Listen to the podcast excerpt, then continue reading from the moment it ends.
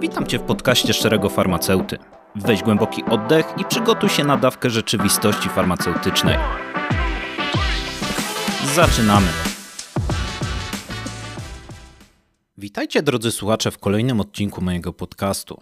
Dzisiaj zabiorę Was w niezwykłą podróż przez korytarze Hollywood, gdzie tabletki, strzykawki i fiolki pełne lekarstw często grają ważną rolę w kolorowym świecie wielkiego ekranu.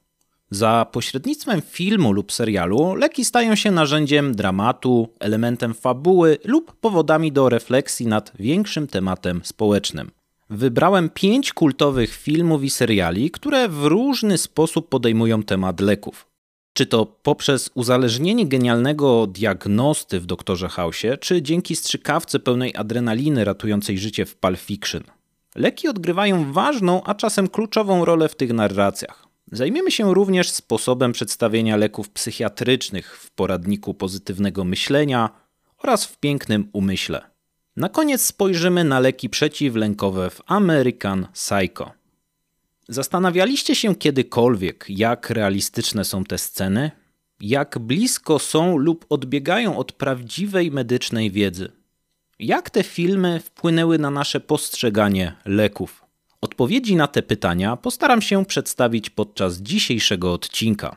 Zanim przejdziemy do konkretnych przykładów, mała organizacyjna sprawa. Jeśli chcecie być na bieżąco z fascynującymi historiami i odkryciami, nie zapomnijcie subskrybować mojego podcastu na swojej ulubionej platformie. Dzięki temu nie przegapicie żadnego odcinka. Lecimy! W pierwszym rozdziale naszej kinematograficznej podróży przenosimy się do szpitala, gdzie spotykamy niezwykłego doktora Gregorego Hausa. Ta postać, znana z oryginalnych metod leczenia, humoru, stała się symbolem błyskotliwego, choć kontrowersyjnego geniusza medycznego. Jednakże to nie tylko umysł doktora Hausa przyciąga naszą uwagę, ale także jego uzależnienie od Vicodinu, leku przeciwbólowego, który pomaga mu radzić sobie z chronicznym bólem nogi. Vicodin to połączenie hydrokodonu i paracetamolu. Jest silnym lekiem przeciwbólowym z grupy opioidów. W serialu towarzyszy on doktorowi House'owi niemalże w każdej scenie, stając się niemalże rozpoznawalnym znakiem tej postaci. Ale co sprawia, że ten element jest tak istotny dla narracji? Stosunek doktora House'a do Vicodinu otwiera dyskusję o etyce medycznej. Czy lekarz uzależniony od narkotyków może efektywnie leczyć pacjentów? Jakie są granice etyki w kontekście osobistego cierpienia lekarza? Te pytania wzbogacają fabułę serialu, prowokując widza do refleksji na temat większego zobrazowania opieki zdrowotnej i relacji między lekarzami a pacjentami. Dodatkowo, przez pryzmat postaci doktora House'a, serial zarysowuje problematykę przepisywania opioidów, która stała się poważnym zagadnieniem społecznym, zwłaszcza w Stanach Zjednoczonych. Opioidowa epidemia, która nasiliła się ostatnimi laty, jest spowodowana nadmiernym przepisywaniem właśnie tych potężnych leków przeciwbólowych. Postać doktora House'a, choć fikcyjna, pokazuje poważne kwestie nadużywania. Warto też wspomnieć, że kreacja postaci doktora House'a i jego zmaganie z bólem oraz uzależnieniem od Vicodinu pokazuje, że walka z uzależnieniem występuje nawet w profesjonalnym świecie medycznym. Uzależnienie nie wybiera swoich ofiar na podstawie statusu społecznego czy zawodowego. Drogą od korytarzy szpitala przenosimy się do mrocznego i ekscentrycznego świata Quentina Tarantino, a dokładnie do jednej z najbardziej ikonicznych scen w Pulp Fiction. Mowa o momencie, gdy Vincent Vega, postać grana przez Johna Travolta, ratuje życie Mii Wallace, wcielającej się w nią Umy Turman za pomocą zastrzyku adrenaliny prosto w serce. W tej dramatycznej i napiętej scenie Mia doznaje przedawkowania heroiny, a Vincent w desperacji decyduje się na ekstremalny krok. Wstrzykuje jej adrenalinę, aby przywrócić ją do życia. Moment ten nie jest tylko wstrząsający, ale także otwiera szereg pytań na temat realiów medycznych przedstawionych w filmie. Adrenalina, znana również jako epinefryna, jest hormonem, który w sytuacjach stresu prowadzi do przyspieszenia bicia serca, rozszerzenia oskrzeli oraz innego rodzaju fizjologicznych reakcji pozwalających na radzenie sobie z zagrożeniem. W medycynie adrenalina jest używana do leczenia różnych stanów, w tym poważnych reakcji alergicznych oraz zatrzymania krążenia. Scena wstrzyknięcia adrenaliny w Pulp Fiction jest jednocześnie fascynująca i przerażająca. Ilustruje desperację sytuacji oraz prowokuje pytanie, czy taki zabieg jest medycznie realny. Eksperci medyczni zazwyczaj zgodzą się, że przedstawienie tego w filmie było raczej dramatyzacją niż dokładnym odzwierciedleniem praktyki medycznej. Jednak ta dramatyzacja ma swoje korzenie w rzeczywistości. Adrenalina jest faktycznie używana w celu reanimacji pacjentów w niektórych sytuacjach kryzysowych. Poradnik pozytywnego myślenia jest filmem, który zanurza nas w trudne życie głównego bohatera Pata, granego przez Bradley'a Coopera. Jest to człowiek z zaburzeniem dwubiegunowym, starający się odbudować swoje życie po pobycie w zakładzie psychiatrycznym. W trakcie narracji Pat opisuje swoją niechęć do zażywania leków, które mają pomóc mu utrzymać równowagę emocjonalną. Pokazuje to nie tylko indywidualne zmagania z terapią farmakologiczną, ale także wywołuje ważne pytania dotyczące zrozumienia i akceptacji chorób psychicznych w społeczeństwie. Leki psychiatryczne, takie jak te, które Pat bierze w filmie, są narzędziem, które może pomóc osobom cierpiącym na zaburzenia psychiczne w funkcjonowaniu codziennym.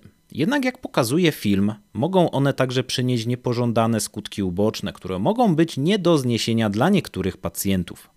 Pat ukazuje wyzwania związane z leczeniem farmakologicznym, takie jak zmienność nastroju, utrata kreatywności czy uczucie odrealnienia, co często jest wspólnym doświadczeniem dla osób zażywających tego typu leki. Z drugiej strony, film przedstawia również podejścia do wellness i zdrowia psychicznego, sugerując, że leki to tylko jedna część układanki. Istnieje także ważna rola wsparcia społeczności, akceptacji, zrozumienia własnych emocji i zdrowego stylu życia. Oczami Pata widzimy, jak niezrozumienie i brak akceptacji ze strony społeczeństwa może pogłębiać cierpienie osób z zaburzeniami psychicznymi.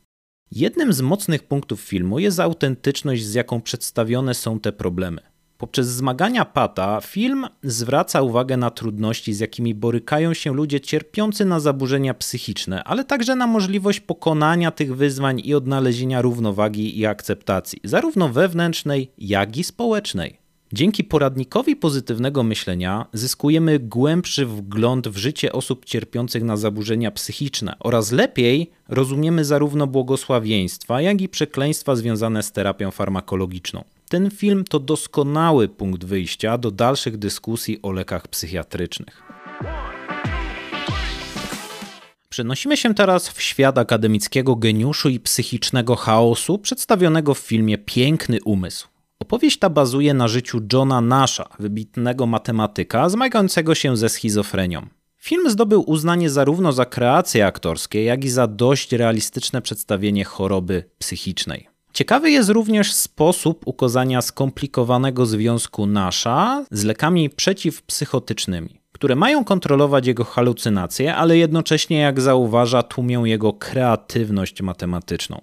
Leki przeciwpsychotyczne, zwane również neuroleptykami, stanowią podstawę leczenia schizofrenii. Mogą one znacząco złagodzić objawy i poprawić jakość życia osób zmagających się z tą chorobą. Jednak jak pokazano w filmie, mogą również prowadzić do poważnych skutków ubocznych w tym spowolnienia myślenia, uczucia odrętwienia i utraty kreatywności. Wszystkie te elementy mają kolosalny wpływ na życie naszego bohatera w filmie.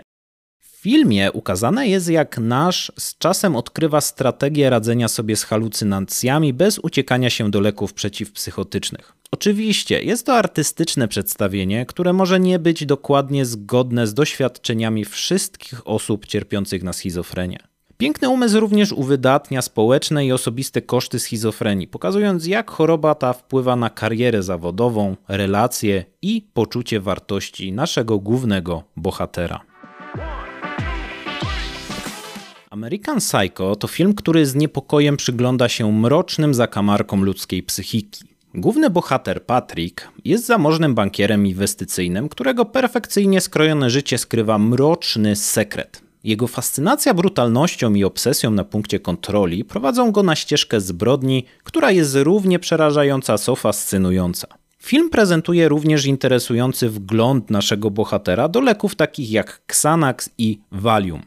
Są to leki znane ze swoich właściwości uspokajających, relaksujących i są używane do utrzymania przez naszego bohatera spokoju i zorganizowanego życia. Xanax i Valium to leki z grupy benzodiazepin, często przepisywane na lęki i zaburzenia snu. Film zaskakująco ukazuje, jak te leki mogą być używane do tłumienia emocji i utrzymania zewnętrznego obrazu spokoju w obliczu wewnętrznego chaosu. Takie używanie, a raczej nadużywanie benzodiazepin stawia pytanie o ich rolę. Leki, które powinny być stosowane doraźnie, stają się nadużywane przez bohatera. Stają się chwilową zasłoną dla prawdziwych problemów psychicznych i problemów. Film, który powstał ponad 20 lat temu, przedstawia benzodiazepiny. Benzodiazepiny, które dwie dekady później są powodem kolejnej epidemii wśród nadużywających pacjentów. Podczas naszej filmowej podróży poznaliśmy relacje pomiędzy postaciami filmowymi a lekami. Filmy i seriale takie jak Doctor House, Pulp Fiction, Poradnik Pozytywnego Myślenia, Piękny Umysł, American Psycho przedstawiają złożoność ludzkiej psychiki oraz wielowymiarowe oblicze stosowania i nadużywania leków. Te opowieści nie tylko uwydatniają zawiłości ludzkiego doświadczenia, ale także zmuszają nas do refleksji nad rolą, jaką leki odgrywają w naszym społeczeństwie. Czy są one rozwiązaniem problemów, czy raczej maskują głębsze kwestie, z którymi musimy się zmierzyć? Jak granica pomiędzy leczeniem a nadużywaniem leków wpływa na naszą codzienną egzystencję? I w końcu, jak te obrazy na wielkim ekranie informują lub dezinformują nasze społeczne postrzeganie leków i ich wpływ na ludzkie życie? Po więcej ciekawych treści zapraszam Cię na moją stronę internetową www.szczeryfarmaceuta.pl. Dzięki za odsłuchanie dzisiejszego odcinka. Jeśli chcesz mnie wspierać jako twórcę, jako farmaceutę, to polub, subskrybuj mój podcast na platformie, z której właśnie korzystasz. Zawsze możesz postawić mi również wirtualną kawę. Zapraszam Cię na mój Instagram Szczery Farmaceuta i do usłyszenia.